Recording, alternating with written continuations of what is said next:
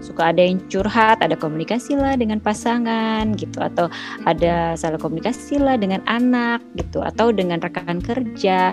Nah, mungkin kita bisa bahas kali di podcast kali ini uh, masalah apa sih yang biasanya terjadi dalam sebuah proses komunikasi terlepas dia itu perempuan atau laki-laki.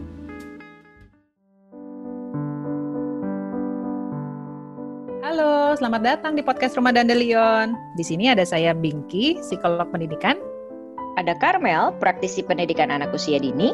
Astrid, psikolog pendidikan. Saya Nadia, psikolog keluarga dan pernikahan.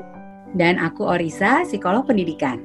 Di podcast ini, kita akan membahas situasi sehari-hari dari sudut pandang kami berlima. Selamat mendengarkan, semoga menyenangkan dan bermanfaat.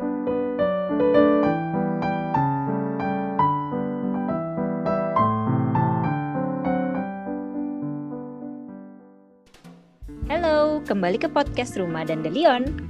Kali ini ada yang absen lagi nih. Ayo, siapa? Tapi kita tetap tahu suara. Tapi kita tetap berempat dong, ya nggak?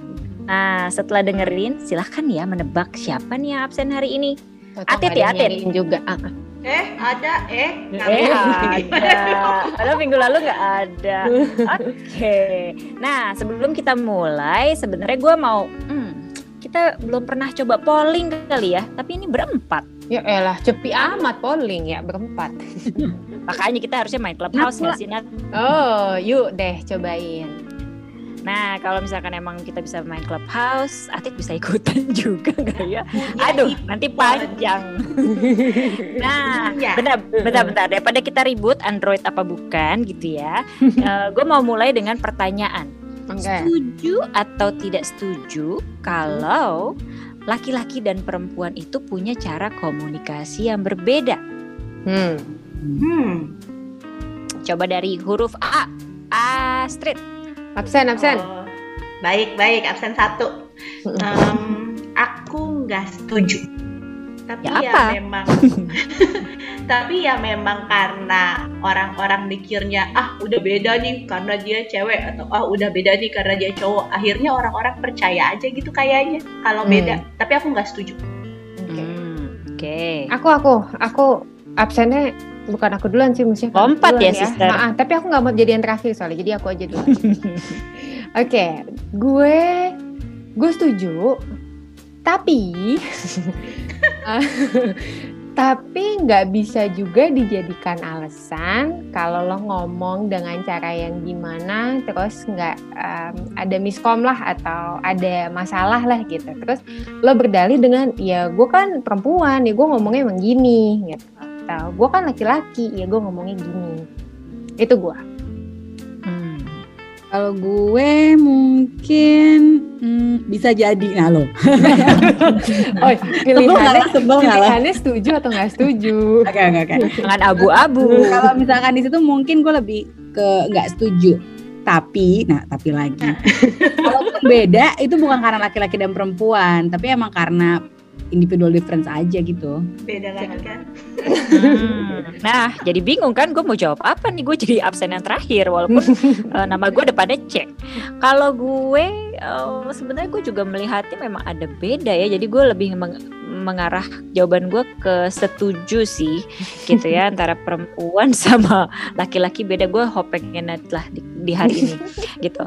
Eh, apa namanya? Karena gue juga dengan mata kepala gue sendiri terkadang gue melihat kayak oh kalau cewek tuh memang lebih perempuan tuh teman-teman gue memang lebih hati-hati gitu ya ngomongnya kalau laki-laki eh, lebih ketas-ketus gitu kalau ngomong langsung to the point meskipun nggak semua teman perempuan gue gitu sih Hmm. dan nggak semua teman laki-laki gue setuju? Nah, jadi Nah, itu. jadi lo setuju apa nggak setuju pilihannya Nah, dua itu. itu bingung gimana katanya tuh? Hopeng sama gua. Gua bilang setuju. Berarti setuju. Makanya ya udah gue ini- setuju aja lah. Setuju setuju. Ini ya makanya kalau polling tuh jangan genap orangnya. Jangan Hmm. kita empat salahin aja yang nggak ada di sini gimana? Gitu kan? Bingung sekarang. Dua setuju dua nggak setuju. Gimana gitu kan? Tapi sebenarnya perempuan dan laki itu memang beda sih gitu ya. Jenis kelamin aja kan memang beda. Cuman untuk dikatakan karena jenis kelamin atau bawaan biologis ini menyebabkan perbedaan cara komunikasi ya menurut gua nggak tepat juga ya gitu. Apalagi sebenarnya dari APA atau American Psychological, Psychological Association di sana mereka sudah mengatakan bahwa saat ini tuh belum ada penelitian yang cukup uh, untuk bisa membuktikan bahwa memang jenis kelamin itu mempengaruhi cara komunikasi gitu. Hasil Hmm. penelitian-penelitian yang ada sekarang tuh memang kontradiktif. Gitu. Cuman ya banyak media, media massa yang mengangkat topik ini gitu kan. Kalau kita lihat dari headline-headlinenya gitu ya, yang memang menggambarkan pengkategorian laki-laki begini, perempuan begitu gitu. Miskonsepsi ini tuh jadi mengalir terus gitu. Kayak yang Oh, sering kayak buku itu ya, Dat. Nah, Ya. itu baru mau ngomong Mel. Ya Nah, udah yang Soalnya emang gitu. paling terkenal itu Siri ya. ember Men's gitu. from Mars and. Women from Venus. gitu. Mm-mm. Tapi gue nggak tahu ya sebenarnya isi buku itu secara lengkapnya gimana ya gitu. Karena gue juga belum baca uh, isinya gimana gitu. Ih, emang bener lo hopeng banget gue hari ini Iya. Nat, sama gue. Ketika berkomunikasi ya akhirnya masyarakat atau kita secara pribadi tuh akhirnya udah ada asumsi tertentu, ada stereotip yang terbentuk ah dia laki pasti dia begini deh gitu. Ah kalau dia perempuan kita punya expectation dia kalau ngomong begini gitu. Akhirnya ada urban legend gitu ya eh, dari perbedaan gender ini yang kemudian pada akhirnya mempengaruhi cara-cara orang berelasi, berinteraksi dengan orang lain, baik itu di pekerjaan ataupun di rumah, sebagai orang tua maupun sebagai pasangan. gitu. Nah, dari tadi kan, cuman kita sebenarnya tidak mm, memungkiri bahwa memang iya sih sebenarnya ada sih perbedaannya gitu ya. Cuman perbedaan komunikasi ini gitu ya antara dua makhluk ini nggak bilang cewek cowok deh ya gitu antara dua makhluk ini gitu sebenarnya perbedaannya karena apa dong kalau bukan karena bawaan biologis jenis kelamin cewek dan cowok itu mungkin lebih ke skill dan pembiasaan kali ya. Maksudnya bagaimana masyarakat menempatkan laki-laki tuh karakternya harus gini akhirnya berkomunikasinya harus gini. Sementara kalau perempuan karakternya harus lemah lembut mendengar pengertian emosional jadi komunikasinya juga harus melibatkan itu semua gitu ya. Makanya kalau di psikologi sosial ada istilah bukannya female brain dan male brain gitu ya, Mhm. tapi ada istilah empathizing brain dan uh, Mhm. systemizing brain atau Hmm. otak Oke. yang lebih empatik sama otak Oke. yang lebih sistematis gitu Tapi ya. untuk bisa uh, seseorang punya itu tuh berarti uh, terlepas dari jenis kelaminnya itu terpengaruh dari pembiasaan dia. Kebiasaan dan sepanjang hidupnya. dikasih. Heeh, skill. Jadi sebenarnya bisa dilatih banget sih kalau menurut gue. Lo jelasin lebih lanjut ciri-cirinya jadi gimana tuh? Mungkin kan yang baru pertama kali dengar kali itu ya. Tadi Hmm. empathizing Gue brain juga baru dengar apa. Systemizing brain gimana? Oke, jadi kalau empathizing brain itu tadi gue bilang adalah otak yang lebih empatik gitu ya. Mhm. Eh, jadi ot- eh, dianggap otak yang lebih female gitu kan. Eh, Mhm. Itu tuh kayak lebih bisa baca kode-kode non non verbal kayak guys guys yang di pojok tuh "Eh, eh, eh, eh," gitu gitu kan. Nah, ini orang uh, podcast tit kagak bisa lihat tit muka ini. Maaf, ya itu non verbal. Tebak nggak gue ngapain gitu kan?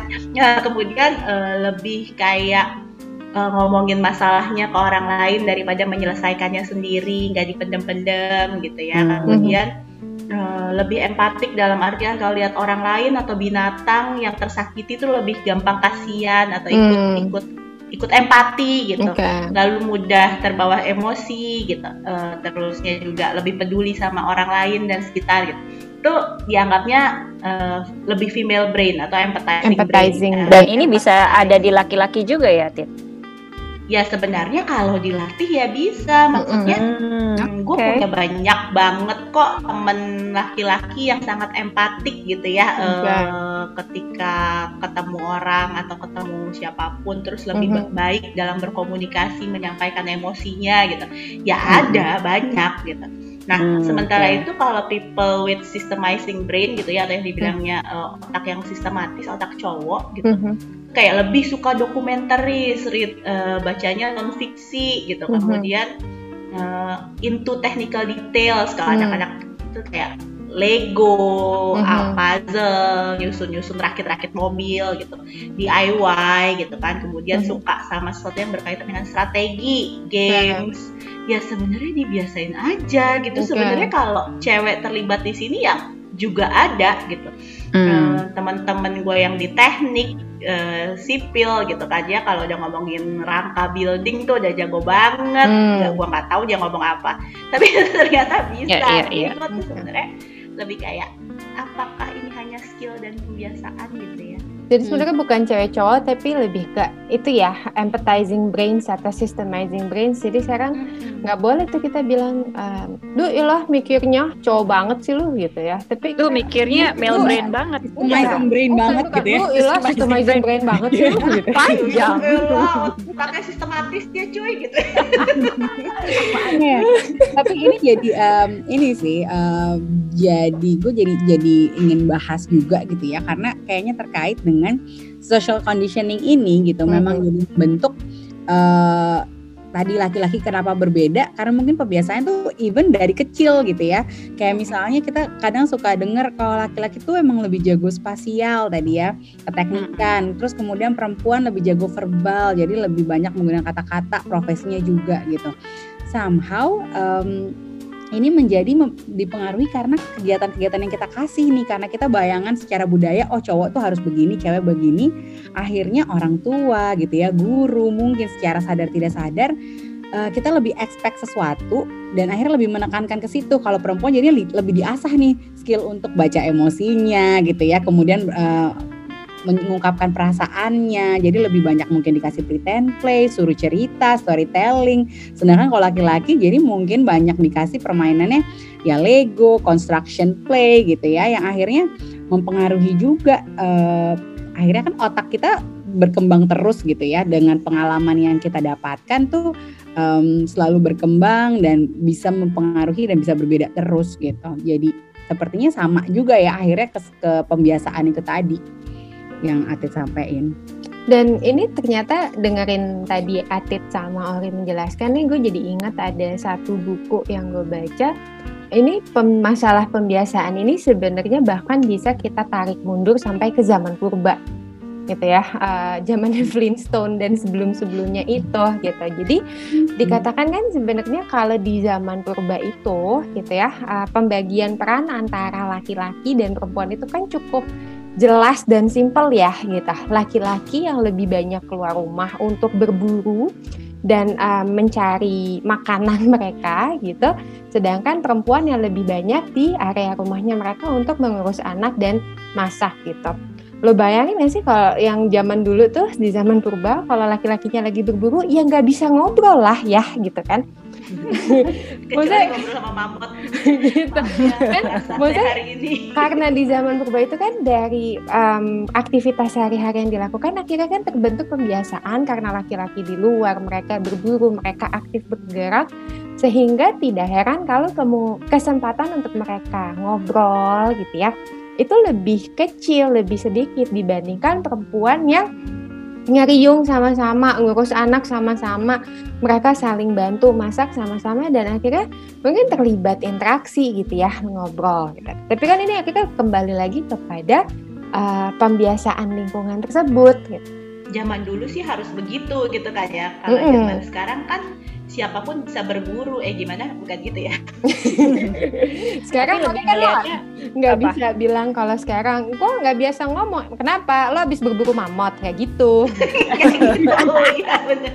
Nggak bisa gitu semua bisa. Zaman dulu berburu juga nggak ada Tinder ya sis. hehe gitu. Tapi kalau maksudnya untuk sekarang kan semua orang punya kesempatan yang kurang lebih sama ya untuk Ya. untuk berinteraksi. Makanya mungkin kayak di baik itu di rumah tangga di keluarga di kantor gitu. Karena kita pembagian peran itu antara laki-laki dan perempuan ini menjadi fluid ya gitu. Bisa saling support each other dan eh, tumpang tindih atau bergantian aja gitu. Jadi Kayaknya kalau dilihat dengan kondisi sekarang, akhirnya justru lingkungan lebih mumpuni untuk membiasakan terlepas dari jenis kelamin lo apa, ya komunikasi, ngobrol, cara eh, menyampaikan informasi yang efektif tuh gimana. gitu gak sih? Nah, gue setuju sih Nat gitu dari tadi yang uh, cerita lo itu dan juga dari mm, pemaparan penelitian yang dikasih sama si Astrid gitu ya, sama Ori bahwa uh, manusia tuh mungkin pada dasarnya memang bisa belajar dan berubah. Buktinya juga sekarang uh, di komunitas kita atau di lingkungan kita sudah mulai berbeda ya cara menanggapi bagaimana orang-orang tuh bisa berkomunikasi gitu. Udah udah jarang lah misalkan karena dia cewek cowok tapi memang masih ada aja sih yang masih kayak gitu tapi udah udah banyak yang terbuka lah untuk kesetaraan itu. Nah, tapi ya, jadi kalau kita lihat-lihat memang komunikasi adalah sebuah skill dan bisa dipelajari dan dilatih, tapi masih ada aja gitu ya isu komunikasi yang memang beredar atau yang kita terima. Misalnya di rumah Dandelion suka ada yang curhat, ada komunikasi lah dengan pasangan gitu atau ada salah komunikasi lah dengan anak gitu atau dengan rekan kerja. Nah, mungkin kita bisa bahas kali di podcast kali ini eh, masalah apa sih yang biasanya terjadi dalam sebuah proses komunikasi terlepas dia itu perempuan atau laki-laki. Duluan, duluan. Tadi kan gue bilang nggak mau terakhir. Sekarang nggak mau tengah, gue mau duluan. gitu. Baiklah. Kalau kalau dari yang gue baca ya, gitu. Dari yang gue baca eh, jurnal penelitian ataupun artikel-artikel populer gitu, dan yang gue juga sering temui di kasus-kasus yang gue pegang gitu ya. Miskom terbesar itu sebenarnya bukan di ngomongnya. Komunikasi kan sering kali orang lihat itu dari cara ngomong ya gitu. Tapi yang sering Mm. gue temui itu justru dia nggak mau dengernya. Gitu. Karena ada perbedaan. Kalau bahasa Inggris kan ada perbedaannya antara hearing and listening ya gitu. Kalau di Mhm. Indonesia tuh mungkin dengar Apa? dan Tambeng? menyimak. Oh, Menyimak. bukan tambeng. Tambeng. Kalau di Indonesia mungkin mendengar dan menyimak ya. Ah, mendengar dan menyimak. Oke. Gitu. Jadi sering kali sebenarnya orang itu mendengar apa yang disampaikan oleh orang lawan bicaranya, Nah, sampaikan gitu. Tapi bukan untuk memahami gitu, tapi untuk nyiapin gue balas ngomong apa ya gitu. Jadi mendengarkan untuk nyiapin gue mau respon apa gitu, bukan mendengarkan untuk memahami sebenarnya yang disampaikan itu apa. Ini makanya juga eh, kesalahan atau miskom lainnya yang sering terjadi itu adalah ketika berkomunikasi sering kali pihak-pihak yang terlibat itu maunya dipahami bukan memahami gitu. Karena kan ketika lo menyiapkan balasannya apa lo mencoba untuk memastikan point of view lo tuh diterima Terima. sama dia gitu kan. Tanpa lo mencoba mempertimbangkan atau memahami point of view dia tuh gimana. Hmm. itu dari gue. Benar-benar kalau Nadia tadi eh, ngomong soal yang biasa dia temui gitu ya kalau aku mah curhat. Bukan aku dosa. Ya Eh, kalau aku tuh miskom yang paling sering terjadi. Isunya di aku adalah I speak before I think aja gitu ya. Maksudnya keluar aja dulu gitu apa yang ada di mulut nggak diolah Hmm. dulu. Jadi hmm, lebih cepet otot mulut daripada otak gitu. Kebanyakan ngunyah mie ayam kayaknya Tit. jangan-jangan. Akhirnya kan makanya akhirnya Tit banyakin konsumsi itu puzzle. Otot otak yang bekerja. Jangan mie. Gue suruh punya puzzle. Jadi eh, emang kata yang keluar tuh nggak ke filter gitu ya. Padahal filter itu bukan sekedar bukan sekedar emang yang mau diomongin jelek banget apa yang enggak tapi pilihan kata itu sangat menentukan arah pembicaraan ke mana gitu Ya. kan ya. Mhm.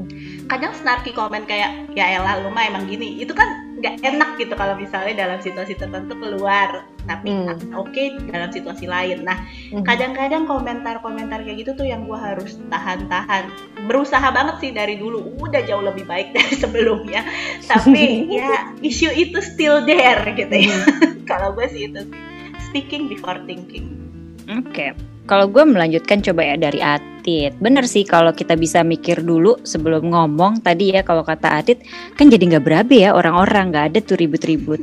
Tapi eh, masalah komunikasi yang sering gue temuin juga mungkin lebih eh, masalah nonverbal kali atau gesture pada saat orang bicara. Ini juga sering dibahas sebenarnya sama orang-orang. Misalnya nih kalau di Indonesia kan kita eh, terdiri dari berbagai suku atau di daerah-daerah katanya juga dengan tipe daerah yang berbeda, entah dia orang pantai, orang gunung, itu pun dia memiliki gaya bicara yang berbeda-beda gitu.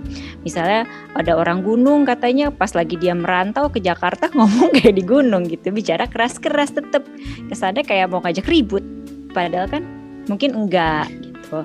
Atau uh, ada sering kali juga menemukan temennya kita bilang lo kenapa sih? Gitu. Enggak gue nggak apa-apa tapi mukanya apa-apa. Gitu.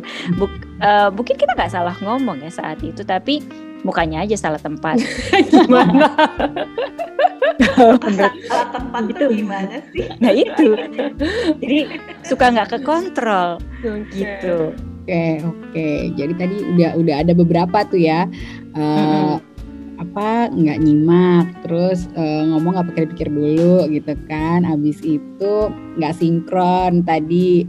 Uh, mungkin kalau nah ini ngaku dosa juga sama kata atlet gitu ya. Walaupun tahu teorinya tapi kadang susah untuk dipraktekkan gitu ya. Tapi paling nggak sadar kalau salah jadi lebih cepat eling itu kalau menurut gue yang susah tuh kadang-kadang uh, kita mem membesar-besarkan. Dalam arti kayak um, selalu sih lupa nih nggak ditaruh di sini nggak ya? Itu selalu ya. Gitu ya.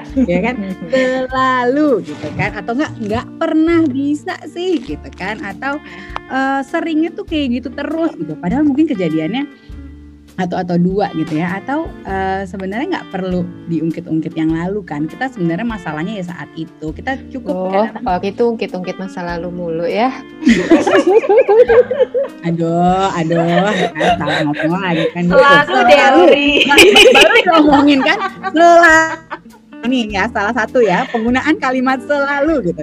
Jadi kayak berasa salahmu atau jadinya berasa diserang itu. Padahal kesalahannya mungkin iya oke salah sekarang ini aja gitu nah jadi bisa eskalasi apa ya jadi bisa kayak makin besar sebenarnya masalahnya dari uh, sebelum-sebelumnya uh, karena jadi berasa diserang uh, orangnya nih gitu bukan kesalahannya saat itu yang akhirnya jadi konfliknya makin besar makin panas. Dengar Ori itu ya aku jadi ingat lagi satu masalah uh, komunikasi gitu ya. Hmm, tadi Ori bilang selalu sih uh, kamu sih gitu ya. Biasanya begini sih uh, isu salah satu komun uh, miskom itu adalah uh, selalu cari siapa yang salah. Hmm. Dulu sih dari dulu kamu sih dia sih ya padahal yang namanya miskomunikasi komunikasi itu kan berjalan dua arah ya jadi kalau hmm. ada miskom hmm. itu pasti dua pihak ada kontribusinya hmm. pasti ya dari kedua hmm. belah pihak at itu least, ya. At least pihak yang pasif tidak memastikan isi pesannya dengan baik gitu. Maksudnya hmm. uh, yang satu nyampein gitu. Terus yang satu ya udah terima aja telan tidak ada kayak klarifikasi. Sebenarnya maksud lo gimana hmm. sih? Itu tuh nggak ada gitu ya. Jadi kalau yang namanya miskomunikasi itu pasti biasanya ada kontribusi dua pihak uh, isunya di mana. Jadi instead of jadi kalau udah miskom instead of ini salah dia ini salah dia ini salah dia ya udah sekarang gimana nih uh, solvingnya gitu selesaiin masalahnya. Itu yang perlu sih. Hmm. Mm, mm, mm, mm, mm. itu yang sering juga tuh. Salah lu ya salah lu lah salah lu. Eh, sampai besok juga gak kelar banyak banyak. Coba deh ya masing-masing. Ini kan kita kayaknya enak banget ya. Uh ini nih nih. Sering sering salahnya nih di sini nih. Miskomnya sering terjadi ini nih gitu. Coba deh ngaku dulu tadi ada yang udah ngaku sih, tapi siapa tahu ada yang kelupaan gitu ya. Boleh kita sama-sama pengakuan dosa dulu di sini gitu. Paling sering lo skip yang mana gitu. Nggak mungkin nggak ada uh, nggak ada manusia yang sempurna. Sah, sempurna katanya milik Tuhan doang ya kan. Sama ada backbone. Tit, angkatan ketahuan dong, Tit. Ah. ya kan sempurna gue, gitu, nah gue paling sering tuh kalau lagi celeng ya itu skipnya di nada suara sih itu tuh gue paling sering uh, apa namanya paling sering skip di situ gitu. Apalagi mungkin faktor budaya ya saya orang pulau tertentu gitu kan dengan kebiasaan di keluarga asal ngomong gimana. Tapi ya itu kebetulan uh, pasangan saya cukup paham uh, bentar bentar. Ini kamu ngomong nadanya begini atau nadanya bablas? Gitu dia suka untungnya dia suka nanya gitu kan. Tapi itu gue paling sering tuh skipnya tuh pasti di kontrol nada bicara tuh coba gue angguk-angguk dulu kali ya. Eh angguk-angguk. Kalau gue kalau gue ya itu tadi ngomongnya nggak dipikir ditambah ekspresi juga nggak dikontrol. Ya elah udah bablas banget gitu kan. Kalau lagi ya tadi benar kata Nadia kalau lagi aware sih uh, bisa dipikir dulu. Tunggu tunggu gue mau ngomong Mhm. sama dia makan nada gue harus gini suara gue harus gini pilihan kata gue harus gini. Itu tuh bisa gitu. Mhm. tapi kalau lagi kitanya lagi capek untuk kontrol diri itu kayaknya effortnya terlalu gede gitu kan ya ya ya ya habis itu maaf aja ya. ya habis itu aja Bentar, bentar. Kalau- ini gue juga kalau- angguk-angguk lagi nih. kalau kalau di laki-laki tuh sering kali bilang ya mendingan minta maaf daripada minta izin gitu ya perempuan mendingan ngomong daripada nggak ngomong nanti minta maaf aja gitu It's a good tagline though. Nah kalau gue, hmm, muka gue sih bener emang suka salah. Entah karena cetakannya begitu gitu ya, udah lama banget orang emang ngasih review tentang muka gue begitu gitu ya. Atau emang pas ngomong ya susah aja mukanya gimana, bodinya udah jelasin apa gitu. Jadi bisa miss aja uh, apa yang mau gue omongin sama yang gue sampaikan segesture atau sebenarnya gue nggak ada maksud apa-apa ya gesture-nya aja udah ke- ketahuan jujur. Jadi harusnya ngomongnya gimana tapi udah ketahuan aja gitu jujurnya dari gesture. Terkadang itu. Nah, gue yang tadi lah udah udah nggak usah dikut-ikut lagi masa lalunya kan udah ngaku tadi. Masa lalu lagi, dia lagi, Aku dia lagi. kena lagi gitu ya. nanti nih masa lalu apa lagi sih lanjut lanjut lanjut topik berikut. baik baik baik tapi kan ya itu tadi kita tahu kita sadar masalahnya apa gitu ya eh, apa yang bisa diperbaiki itu udah one step gitu kan kalau kalau ke sesi konseling menyadari masalahnya apa itu Betul. udah one step ya Mhm. kan nah Mhm. sekarang tips dong biar nggak bablas kalau ngomong atau apa gitu muka bisa dijaga gitu ya Oke. tips dong tips Hmm, apa ya? Mungkin em, ya kalau misalkan eh, tadi ya fokus sama masalahnya yang saat itu gitu ya. Beneran menjaga diri sih gitu. Ingat-ingat kalau udah mau keluar tuh karena kadang-kadang tuh sebenarnya eh tahu sebenarnya nggak perlu diomongin gitu ya. Hmm. Tapi kayak gatel gitu loh mulutnya untuk kayak untuk memberikan penekanan bahwa ini tuh eh, urgent loh atau enggak kayak ini kok kejadian lagi gitu ya tapi tahu sebenarnya it doesn't help gitu aja. Misalnya beneran eling itu eh, dan emang sebenarnya lebih magic words tuh eh, works even di orang dewasa gitu ya. Misalnya sebenarnya kita pengen minta tolong bahwa Oke ini ini eh, contoh sih contoh pribadi nih akhirnya gitu kan. Ya kayak misalnya eh, tiap malam tuh udah bagi tugas gitu. Misalnya kayak rutinitas malam tuh dilakukan sama siapa sih gitu ya? Em, gue megang eh, baca misalnya eh, bacain buku gitu kan. Anak banyak gitu tuh anak banyak. Ah, karena misalnya sikat gigi sama ga- ganti piyama gitu kan ya kan udah satu rutinitas itu kan it happens every day sebenarnya gitu Hmm. dan kayak jam-jam Ditekankan lagi. Every day. Maksudnya nggak ngomong kayak eh apa sebenarnya cukup dengan kayak eh eh, tolong ya itu eh, adek sama mas eh, digantiin baju sama sikat gigi gitu ya sebenarnya kan udah mau gitu tapi kayak suka gatel kayak ih kan ini udah jam segini kenapa sih dari kemarin harus ya kalau misalnya kayak itu diomongin dulu taruh dulu gitu kadang tuh suka this is so natural gue bisa bayangin gitu padahal sebenarnya cukup kayak eh, tolong ya abe udah terima kasih gitu kan Mm-mm. cukup sampai situ gitu nah ya itu latihan latihan gitu ya supaya Tapi gue tuh pernah dulu dibalikin kayak gitu. Gue tuh dulu suka gitu tuh. Harus ya diingetin terus. Ya harus ya kamu tanya harus ya. Kalau aku tanya ya jawab aja langsung jawabannya apa gitu kan. Diam gue digituin langsung lain kali ya udah. iya iya iya iya. jadi fokus sama masalahnya aja langsung jelasin gitu ya Mm, spesifik Hmm. yang dibutuhkan apa tuh langsung itu. disampaikan gitu ya. oh, Mm-mm. Kalau gue karena emang constant battle gue adalah me and my mo- me and my mouth gitu ya. itu constant battle gitu. Jadi gue sebenarnya udah tahu nih tipsnya apa. Hmm, ya ya berhenti dulu.